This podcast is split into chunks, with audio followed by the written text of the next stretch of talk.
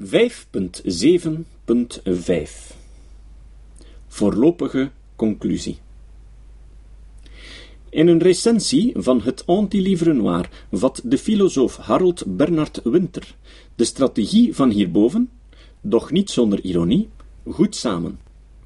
Face à l'empirie des neurosciences, il serait grand temps de défendre l'humain, le sujet, la liberté, la responsabilité, le choix, la parole incarnée, bref, la psychanalyse.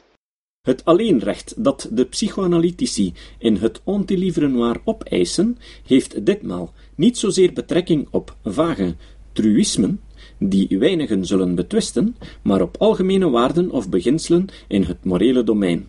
Geconfronteerd met de uiteenlopende bewijslast tegen hun discipline, voerden de psychoanalytici, die we in dit hoofdstuk bespraken, een ultieme reddingsoperatie uit, die de frontlijn van de discussie radicaal verlegt en zo een valse dichotomie creëert.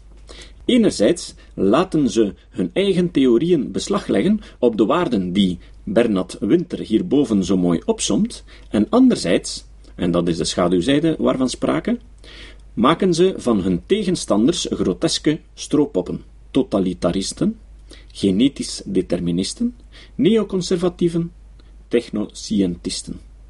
In zekere zin is die schaduwzijde onvermijdelijk. Wie zichzelf wijsmaakt dat hij de behoeder is van de vrijheid, het woord en het subject, en vervolgens opeens met kritiek overladen wordt, kan bijna niet anders dan in de aanvallers halve fascisten herkennen. Door de exclusiviteit op al die waarden op te eisen, proberen de Lacanianen zichzelf en anderen ervan te overtuigen dat er met de nakende ondergang van hun discipline niet zomaar een pseudowetenschap van het toneel verdwijnt, maar dat de mensheid er een intellectuele en morele erfenis van onschatbare waarde mee verliest.